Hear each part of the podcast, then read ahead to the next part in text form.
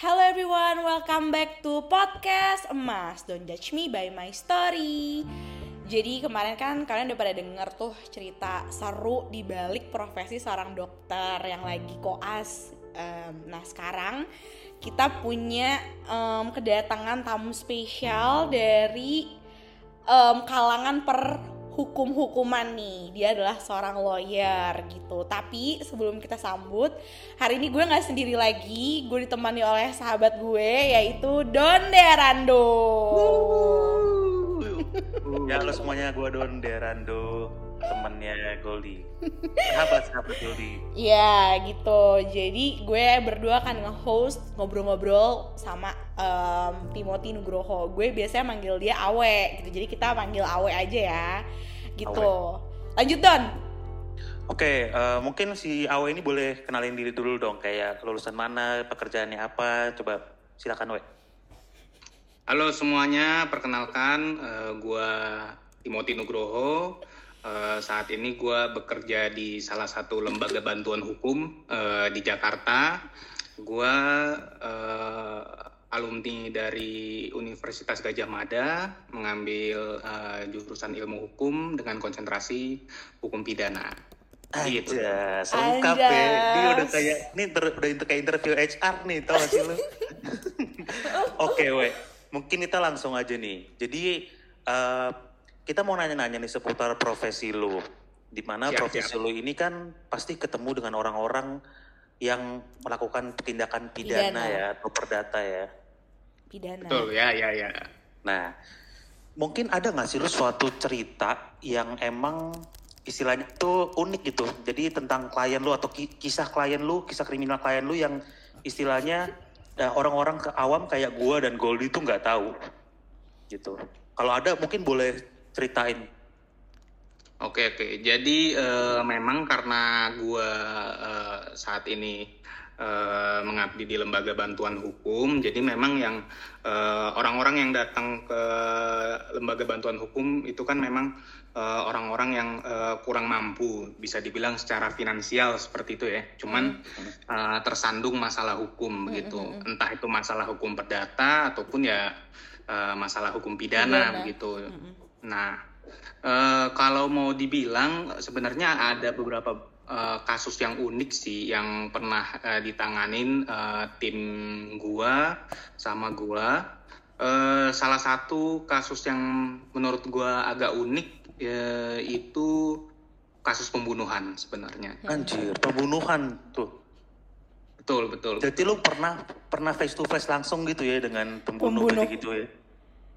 Uh, untuk uh, face to face eh, ya bisa dibilang bisa langsung sih ya cuman secara online ya sekarang kalau sidang oh. online kan sekarang pada saat oh. covid ini uh. tapi baru, -baru kan ini berarti ya tapi kan dia ya. kan datang kalau kan konsul nggak sih we jadi gimana tuh Iya, uh, jadi kalau sistem di kita itu dia uh, ada konsultasi dulu, uh, apa namanya bisa datang ke kantor atau by phone gitu kan. Mm-hmm. Nah setelah itu uh, kita uh, seleksi uh, mana yang sesuai persyaratan dan segala macam. Akhirnya dia diterima sebagai uh, klien kita, kemudian ditunjuk nih uh, lawyer uh, yang handling perkara itu. Walaupun yang lain juga bisa bantu gitu. Kebetulan gue di situ bagian tim yang bantuin gitu kan. Mm. Nah, support ya. Iya iya.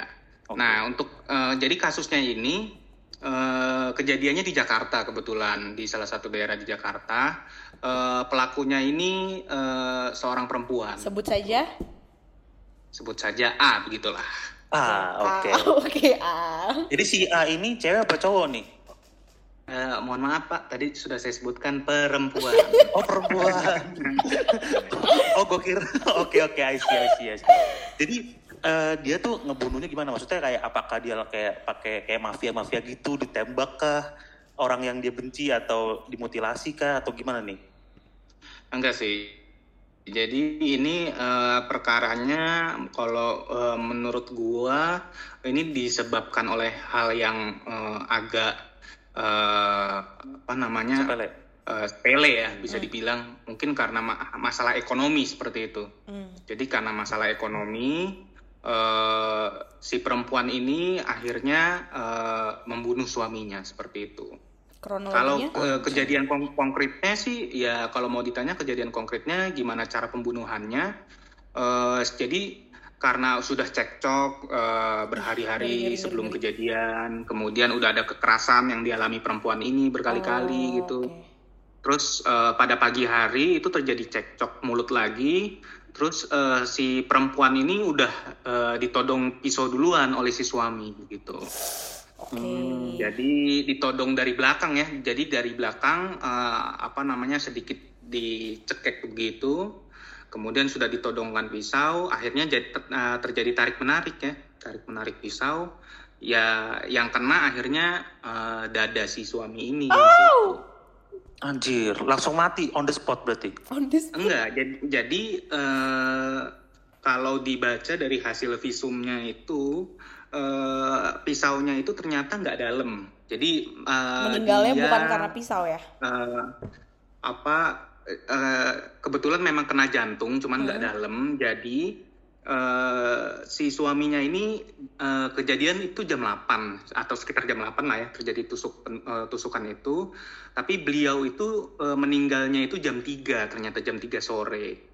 Uh, usut punya usut ternyata uh, si suaminya ini juga nggak dilariin ke rumah sakit, tapi juga uh, cuman dirawat biasa gitu doang begitu. Hmm. Dirawat Jadi biasa dibawa, tuh maksudnya? Dibawa, dibawa ke rumah tetangganya lah istilahnya gitu. Wah, paham, paham, paham, paham, paham, paham. Terus, we? Mm Terus itu gimana tuh lanjut lanjutan nih? Nah, jadi uh, kemudian kan uh, sempat jadi heboh ya di kampung itu karena uh, apa namanya perempuan ini dibilang jadi pembunuh lah gitu dari suaminya ini begitu. Nah uh, akhirnya beliau uh, meminta tolong bantuan hukum dari kami. Nah ya kita lihat fakta-fakta yang terjadi begitu. Nah kalau misalnya uh, di pengadilan di sidang uh, kita bantu dari uh, perempuan ini uh, untuk menyatakan bahwa perempuan ini sebenarnya uh, betul dia melakukan terjadi uh, penusukan itu, cuman harus uh, dilihat juga bahwa perempuan ini ada ancaman sebelumnya gitu. Jadi ada ancaman kekerasan, bahkan ada ancaman pembunuhan terhadap perempuan ini. Uh, jadi kalau dalam uh, di hukum itu ada namanya pembelaan terpaksa gitu. Mm -hmm. Jadi kita katakan ke hakim itu kita sampaikan uh, perempuan ini uh, dalam kondisi yang genting, yang darurat, sehingga dia harus melakukan pembelaan terpaksa begitu singkat self defense ya singkat betul, gitu ya. betul, ya. betul. tapi we hmm. itu kan dia kan um, pembelaan secara terpaksa apakah um, unsur-unsurnya terpenuhi karena kan ya. nggak ya. semua kejadian itu bisa memenuhi unsur pembelaan terpaksa karena gue pernah pernah dengar juga nih ada kasus mengenai um, kayak pemerkosaan di dalam kos-kosan gitu we nah si cewek juga membunuh si pelaku gitu. Tapi um, dia membunuh karena dia membela diri kan. Nah tapi pembelaan dia itu tidak memenuhi unsur-unsur pembelaan secara terpaksa gitu. Makanya si cewek tetap dikenakan pidana.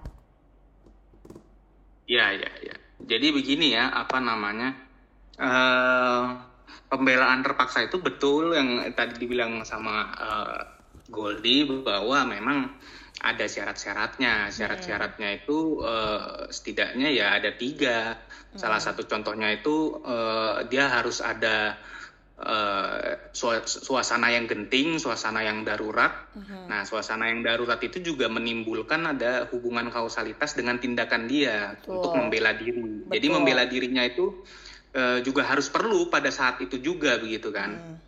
Nah, Uh, kalau untuk dalam kasus ini memang uh, kondisinya sudah tarik menarik pisau ya. Jadi bisa dibilang barang siapa yang sudah uh, menguasai pisau itu salah satunya pasti ada yang tewas begitu kalau hmm. menurut kami ya begitu. Hmm. Hmm. Entah dari pihak si suami atau pihak si istri karena si istri ini fakta yang terjadi sebelumnya itu si istri ini sudah ditodongkan benar-benar di daerah lehernya ya gitu.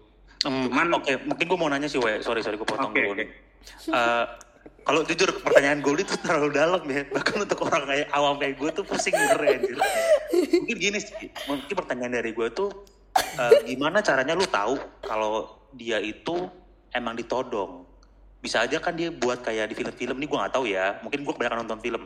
Cuman uh, bisa aja kayak dia wah nanti pasti di apa pas di pengadilan dia bakal nanya nih gue buat skenario A. Terus dia sayat dikit lehernya lah begitu gitulah kan bisa terjadi kayak gitu tuh.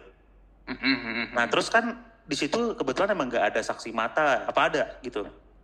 Oke, oke. Jadi uh, memang dalam peristiwa untuk kasus itu ya, uh, dalam peristiwa tarik menarik pisau itu uh, hanya dua orang itu saja yang ada dalam rumah itu jadi masalah juga begitu mm. itu yang pertama istilahnya yang tahu tentang tarik menarik pisau itu uh, hanya si perempuan ini begitu mm. nah uh, kemudian uh, lalu tahu dari mana untuk tarik menarik pisaunya ini jadi kalau dalam uh, di kepolisian itu ada yang dinamanya reka ulang atau rekonstruksi ulang okay. ya di uh, olah TKP begitu. Nah, di olah TKP itu diperagakan semua gerakan-gerakan yang terjadi di dalam rumah itu, itu Don.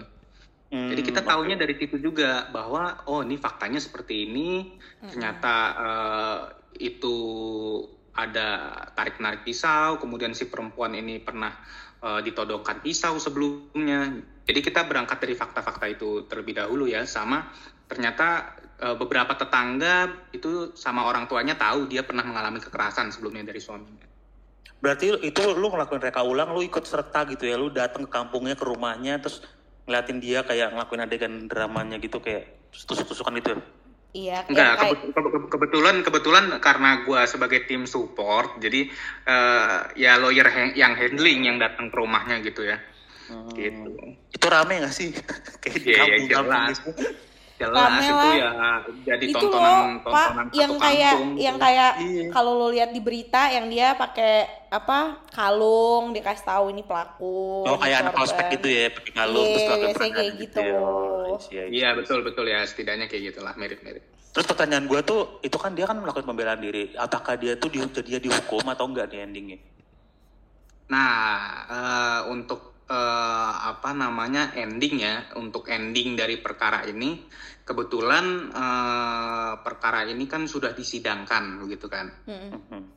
sudah disidangkan uh, dan untuk uh, putusan dari hakimnya sendiri untuk saat ini di tingkat pertama uh, putusannya masih menghukum dari si perempuan ini itu oh berarti nggak bisa lama? dianggap jadi unsurnya tidak terpenuhi ya? Pembelaan terpaksa Nah, unsurnya tidak tidak bagi bagi hakim yang mengadili pada saat itu uh, tidak terpenuhi begitu pandangan hakim. Oleh karena itu ya gitu. si perempuan tersebut uh, mau tidak mau uh, mengajukan upaya hukum lainnya ya. Banding. Gitu. Berapa lamanya berapa lama, we? Belum tahu untuk, juga ya. Untuk berapa lama tentu saja itu kerahasiaan dari klien kan. Oke oke oke. I see I see. Tapi berarti unik juga ya. Maksudnya kayak uh, bingung juga berarti ya kalau di posisi ceweknya. Lu udah disodong pisau gitu, lu nggak bisa ngelawan dong. Maksudnya kayak lu ngelawan kalau dia tiba-tiba musuhnya mati. Jadi case-nya kalau gue lihat nih kayak orang bunuh begal tau gak sih lu? Orang apa? Ya, ya, ya, ya. Contohnya gitu. Yang ngebunuh, contohnya gitu. Iya bener kan. Yang dia ngebunuh begal, terus ternyata oh. yang ngebunuh begal itu malah dipenjarain kan unik gitu. Nah, mm -mm. Ya gitulah. Oke oke. Nah mungkin pertanyaan berikutnya nih ya, um, lo kan sebagai salah satu ya support dari bantuan bantuan hukum orang-orang yang kurang mampu lah itu kan ya berarti ya. Eh pasarnya. sorry sorry, ntar gue gue terka gue terka gue cut dulu don. Weh, gue hmm. mau nanya kalau di LBH lo itu kan itu kan untuk mereka yang tidak mampu itu fully funded atau atau mereka bayar tapi sebagian nggak semahal lawyer-lawyer di law firm lainnya? Ah, uh, gini gue kalau di tempat gua itu uh, kalau sudah di ACC diterima jadi klien itu benar-benar gratis dia oh. nggak oh. bayar sama sekali gitu karena uh, kita itu dapat uh, reimburse kalau misalnya apa namanya kita dampingin sampai selesai katakanlah ya sampai putusan hmm. itu kita dapat reimburse dari uh, Kemenkumham ya ada itu hmm. reimbursannya. Gitu Oke. Okay. Paham. Berarti dapat duitnya dari ini dong ya, dari budget dari negara. Uh, negara. Dari negara. Betul betul iya. Terus Gila, berarti itu hitungannya jiwa sosial banget berarti ya. sosial. Pengabdian masyarakat banget berarti. Waduh, waduh, waduh, waduh, waduh. Eh, we, we, ya. we, gue kepo deh. Kalau gitu lo dapet reimburse dari Kemenkumham itu ketika lo memenangkan perkara atau every perkara? Every perkara, selama lu selesai sampai perkara terakhir, eh, Sampai inkrah gitu. eh, ya kalau misalnya inkrah mau sampai kasasi atau lu cuman di PN aja ya, ya bisa. Inkrah tuh apa inkrah? Apa we inkrah? Eh, mungkin Goldie lah yang bisa menjelaskan, dan gue. Inkrah tuh artinya dia sudah mengikat, Apa sudi, sudah mengikat? sudah mengikat Oh mengikat. Iya. Oh I see. putusannya. Oh gitu, lanjut lanjut Don. Oke, nah gue punya pertanyaan satu nih. Lu kan berarti udah sering banget ya encounter dengan para uh, tindak kriminal nih. Lu pernah nggak sih kayak ngelakuin kunjungan visit gitu ke penjara atau langsung ketemu tahanan langsung dan ngobrol-ngobrol dengan mereka gitu pernah nggak sih? Eh, nah, begini ya. Jadi kalau untuk eh, apa namanya eh, ini kan terduga pelaku pelaku kejahatan ini ya untuk saat ini pandemi eh, kita sendiri eh, kesulitan sebenarnya mengunjungi ke misalnya rutan atau eh, lapas gitu. Karena Iya, iya, mereka pun eh, masih ditahannya itu di rutan polsek eh, atau rutan polres gitu. Nah, jadi tidak dialihkan gitu. Karena kan Bedanya tuh apa tuh? Nah, jadi begini, kalau eh, rutan eh, polsek itu kan seharusnya rutan sementara kan. Jadi Betul. eh, seharusnya itu misal katakanlah dikirim eh, ke rutan Pondok Bambu gitu kan. Misalnya yang terkenal ya kalau di Jakarta gitu kan. Ya deket rumah gue itu anjir. Ya kan, rutan Pondok Bambu kan. Eh, Kita sering lewat dulu kan. Sering lewat dia, sering lewat. Ya kan? Eh, nah, itu Lu keluar kalau lewatin anjir. oh itu sementara itu ya? Eh, seharusnya ya memang ya beberapa klien klien dari kita ada yang dialihkan penahanannya ke rutan Pondok Bambu tapi ada juga yang masih stay di Polsek Polres di kepolisian gitu. Terus Nah, kalau kalau- sidang gitu tetap di Ya, ya, polsek gimana, polres gimana? we. Hmm? Kalau kan kalau misalnya udah is- istilahnya kalau semua pembuktiannya sudah terkumpul kan di, dikasih ke kejaksaan kan we. Ya tahap dua bener-bener. Nah tahap duanya kan gitu. Tapi kalau misalnya udah dikasih ke kejaksaan tetap di rutan sementara atau udah pindah? Nah, eh, kalau untuk masa pandemi gini dia tetap stay Oh gitu. Di- Jadi di- walaupun udah jadi- tahap dua dia tetap di polsek. Ya, uh-uh. jadi Oh. eh, hanya wewenang kewenangannya aja yang pindah gol dari polisi ke jaksa, tapi oh dia tetap gitu. ditahannya di rutan polsek atau polres oke, ya. oke. Yang paling banyak, paling banyak kayak di film-film tuh yang banyak gengnya, banyak pembunuhan gitu di rutan atau di polsek, rutan polsek. Kerusuh kayak gitu ya. Iya gitu-gitu. Lapas lah itu mungkin. Itu mah lapas ya. Beda lagi lapas ya. Beda lagi, beda lagi. Hmm, oke oke oke. oke. Lanjut lanjut we. Nah, lu gimana, we? Eh, lu pernah berarti belum pernah ketemu langsung nih, cuma sekedar video call berarti sama klien lu. Enggak, jadi kalau misalnya untuk ketemu di rutan polsek, kita kan eh, selalu diusahakan untuk bisa ket- ketemu tatap langsung, ya, tatap muka langsung di rutan-rutan polsek itu. Misal untuk eh, dia cerita kronologisnya gimana sih sampai eh, dia melakukan suatu tindak pidana, terus eh, untuk keperluan eh, administrasi surat-surat itu kan kita juga perlu ketemu langsung gitu kan sama eh, apa namanya orang tersebut gitu. Ya memang ada banyak sih pengalaman unik di kalau ketemu-ketemu dengan eh, apa namanya orang-orang yang ada di dalam rutan itu ya. Hmm. Eh, salah satu contohnya ya penuh sesak ya di rutan itu. Oh itu gue pernah tuh? sih. Tidur berdiri tuh gue pernah denger sih we. Ya ya tidur berdiri, kemudian jadi eh, di dalam kamar itu ada yang namanya kepala kamar, Iya, yang betul. orang itu harus harus nyetor ke nyetor beberapa uang ke Eh. kepala kamar. Terus eh, Deg-degan. apa namanya ya dalam tanda kutip hmm, penyiksaan-penyiksaan itu sering gua denger ya di dalam ruang tahanan itu sebenarnya. Gitu. Salah satu contohnya misal kayak eh, apa namanya gua pernah dapat klien yang dia itu harus sampai tidur di WC gitu ya. Terus eh, ada yang eh, pernah gua denger disundut rokok lah gitu ya. Kayak gitu macam-macam sih sebenarnya. Yang gue bingung satu sih, maksudnya dia kan tahanan, terus terus dia nyetor uang ke kepala kepala Kamar, ruangan kepala itu, kamar. kepala kamar, gimana dia dapat uangnya? Nah, Ya, jadi jadi gini uh, Don, uh, orang itu orang kepala kamar ini uh, istilahnya menekan ya, menekan orang yang baru masuk gitu supaya dikirimin uang oleh keluarganya gitu loh dari keluarga yang si ngunjungin itu loh, Pak. Ya yang ngunjungin gitu. Atau misalnya orang keluarga nih katakanlah ngirim makanan gitu kan lah. Itu yang nyampe ke dianya itu nanti ya mungkin Ada bisa uang dikit gitu ya. atau nggak nggak nggak sama sekali ya. Oh, udah gitu, diambil udah duluan. diambil, betul betul.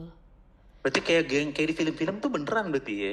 beneran beneran. Sampai sampai sampai sekarang itu masih ada gitu. Eh, kebetulan ya kebetulan dan eh, gua itu baru hari Jumat kemarin lah ya. Jumat kemarin Jumat kemarin itu gue dapat telepon dari orang tuanya orang tua dari salah satu tersangka di polsek eh, di Jakarta ini dibilang dia orang tuanya ini tiba-tiba nangis sama gua. Gue juga bingung kan. Lo ditelepon langsung, we?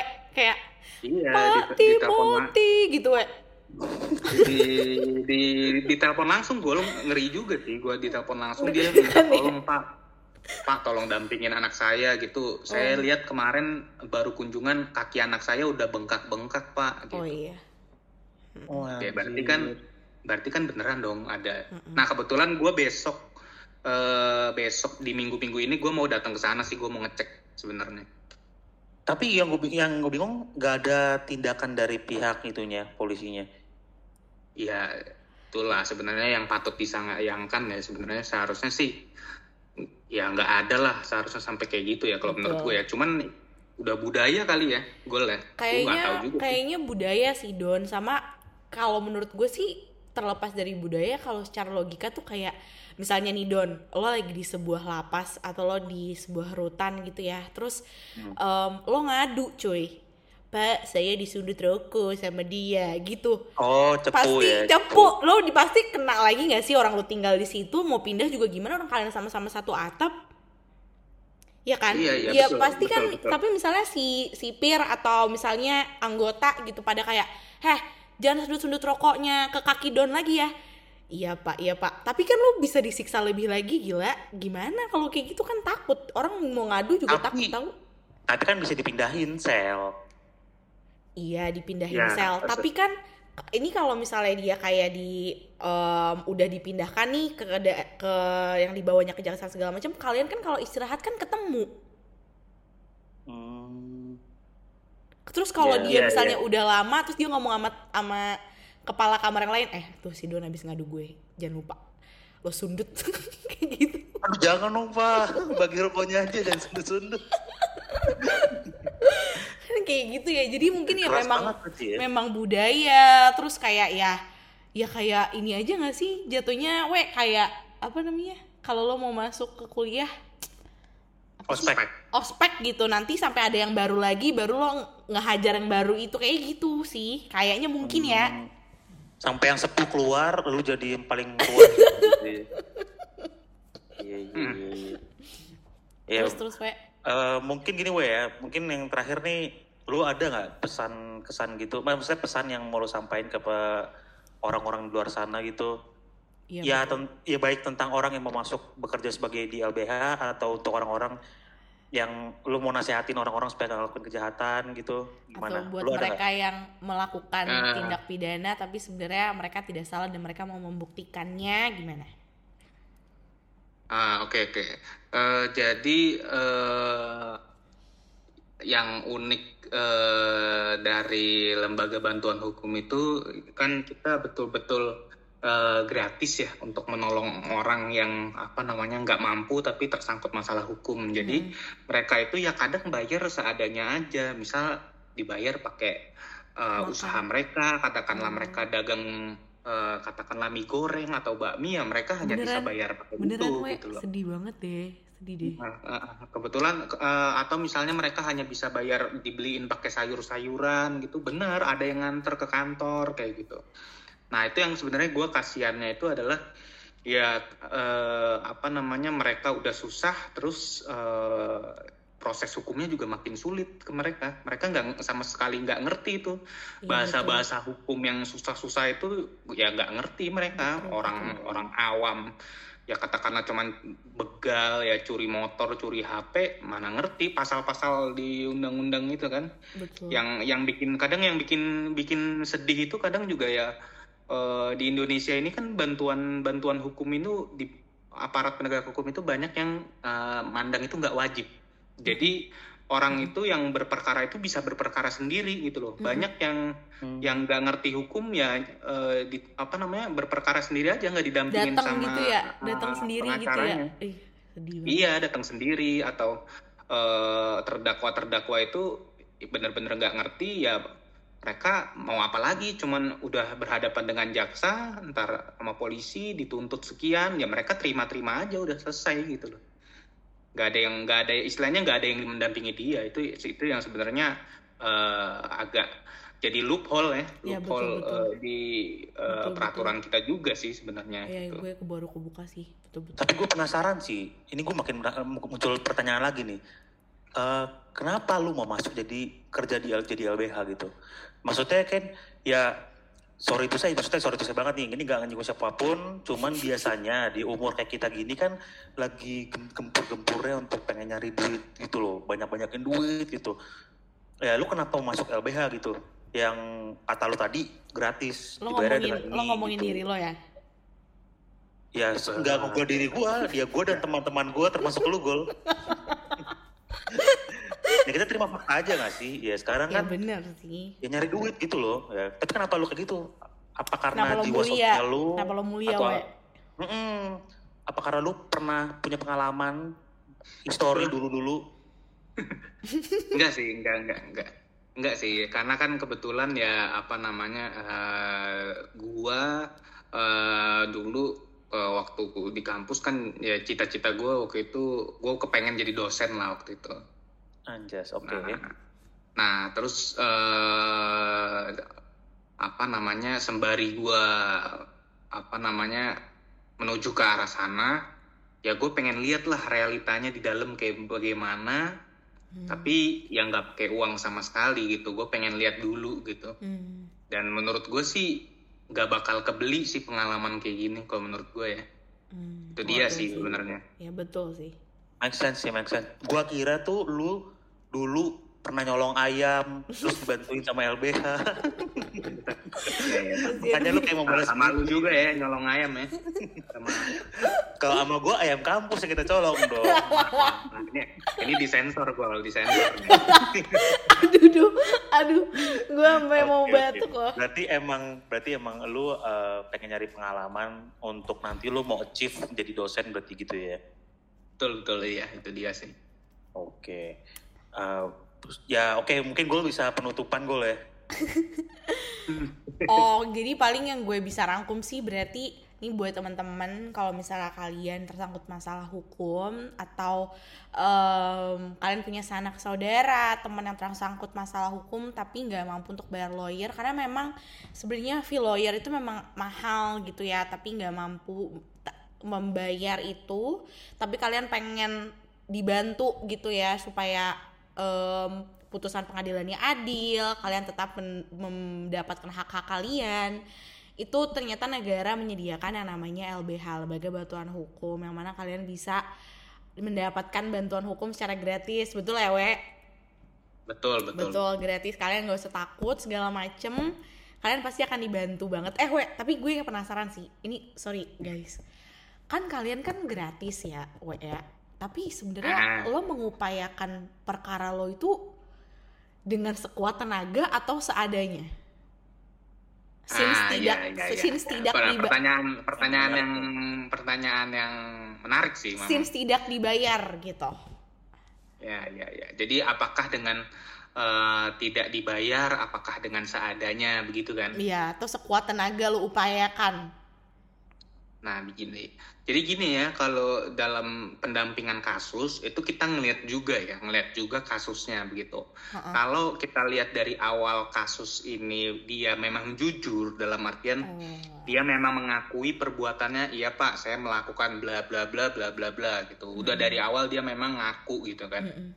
Ya memang mau diapakan lagi, kita nggak mungkin membela habis-habisan dia bebas dong. Betul. Konyol, ya kan? Konyol, konyol, we. Nah, Nah, yang kita minta adalah keringanan. Kita hanya Betul. bilang e, kenapa kamu melakukan itu gitu kan. Mm-mm. Itu jadi hal yang meringankan dia gitu. Betul. Nah, itu kita bantu di arah ke situnya. Tapi kalau misal kita ngelihat bahwa kasus ini adalah kasus yang potensi bebas, ya kita perjuangkan betul-betul sampai bebas gitu loh. Hmm. Nah, Meskipun nggak dibayar tuh ya. Iya. Berarti tanpa pamrih gitu ya. Guru dong. Ya emang pas dong. Berarti kan dia emang dia mau jadi dosen. Dosen, iya sih. Gila dia. Keren keren sih menurut gua. Gila sih. Maksudnya ya kayak masa depan lu secara jidatu. we. Bener-bener. Bener-bener Bener, mulia bener. gitu loh kayak. Anjir. Jujur gua gak kepikiran sih. Maksudnya masih kaget aja gitu. Kenapa kenapa ini loh. Kenapa so- jiwa sosial lu tinggi mungkin ya. Situ kali ya. Kinclong ya. Enggak maksud gue bukan kenapa jidat lu kinclong bukan. Maksud gue kenapa kenapa lu mau gitu gak dibayar itu. Mungkin karena jiwa sosial lu tinggi kali Eh ya, emang lu nggak? satunya Tapi gitu. lu dapat dapat dapat dapat gaji apa enggak, we? Ada kalau gaji Pak. ada. dapat gaji, Pak. Dapat dapat. Cuman kan istilahnya kan beda gitu kalau di lawyer kayak lu dulu kan gue berarti lu harus apa bisa dapat bonus gitu kan. Iya sih. Kalau gua bisa dapat lembur.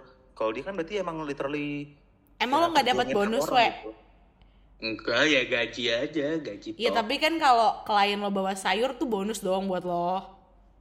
Ya iya, Oh, tapi iya. kan nggak nggak tiap orang bisa bawa sayur, Gol. Berarti Awe tuh punya tipe apa ya istilahnya punya dia ngincer suksesnya dia itu menurut dia itu ya bisa membantu orang dan bisa tidur nyenyak gitu ngebantu orang mungkin ya. Beda sama kalau kayak Goldie kan kayak Kok gue, suksesnya tuh harus punya duit, mandi duit. gue nggak kayak gitu ya. Nggak guys, gue nggak kayak gitu. Gue kerja juga pakai hati kayak los. Gak, berarti kalau Awe kan literally bener-bener pure gitu loh, pure anjir mulia sih. Tapi Jujur we, mulia tapi sih. we di balik kemuliaan lo ini sebenarnya di otak lo tuh lo pengen kaya raya gak sih we? Kaya raya banget yang kayak apa sampai punya kekayaan gitu. Ada atau kayak ya udah aja. Gue pengen tahu sih we. Eh kalau kalau kayak raya banget sih enggak sih. Gue gue mikir eh yang penting cukup lah gue. Oh gitu. Maksudnya cukup beli Ferrari. bisa bisa nyekolahin anak-anak udah mantep sih. Hmm, oh, Sampai tingkat apa nih? Sampai tingkat apa? PSD doang gitu. Bangga apa anjir anjir itu lu. Enggak, makanya gue nanya, makanya gue nanya. gua. Makanya gue nanya, sampai tingkat apa? Lah ya kalau bisa sa- Sesuai. sampai setinggi-tingginya lah, Bro. Anjir. Iya benar iya benar. sampai benar. S kalau kalau zaman kita nanti udah ada S4 ya S4 ya anak-anak lu ya we. S Tapi- Steller. iya. Tapi bener-bener itu sih, maksudnya ya bagus sih, bagus. Dia nggak bener-bener pure ngincer uang doang gitu. Beda sih ini, jujur unik sih. Gue baru baru punya Iya. temen kayak lu mungkin we ya, dari antara semua temen gue. Eh gue juga kayak gitu tahu gue tuh baik tahu ke semua orang. Gue Nggak membantu. beda beda. Cuman kalau kayak kita itu money oriented gol. Emang Kalau gue ma- itu bukan money oriented. gue nggak money oriented don. Ah, capek sama Goldie ini. Tapi jujur jujur si Awe unik sih, maksudnya bener-bener ya ya jiwa sosial tinggi gitu. Hebat hebat hebat. Bagus lah. Oke. Jadi sebenarnya penutupannya tuh simple aja ya, jangan lakuin kriminal lah, udah gitu aja.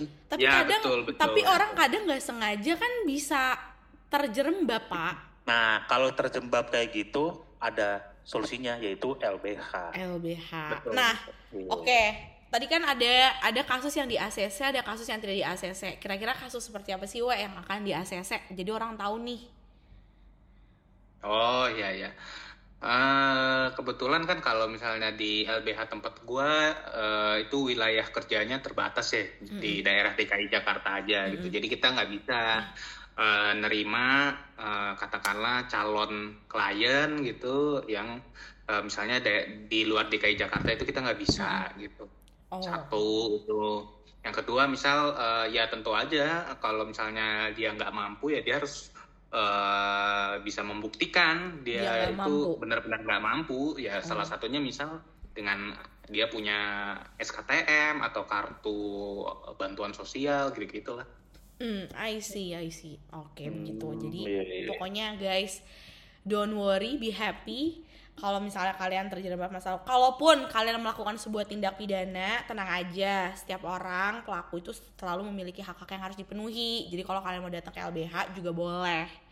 Gitu. Betul we betul betul betul. Betul. Oke. Anjir. penutupan lo don? Lo ada penutupan gak sih? Ya penutupan penutupan dari gue ya mungkin kayak tadi aja. Ya ya sebisa mungkin jangan lakukan kriminal lah. Hidup Betul, benar aja. iya sih, betul sih. coba coba tiru hidupnya awe gitu contohnya. Betul.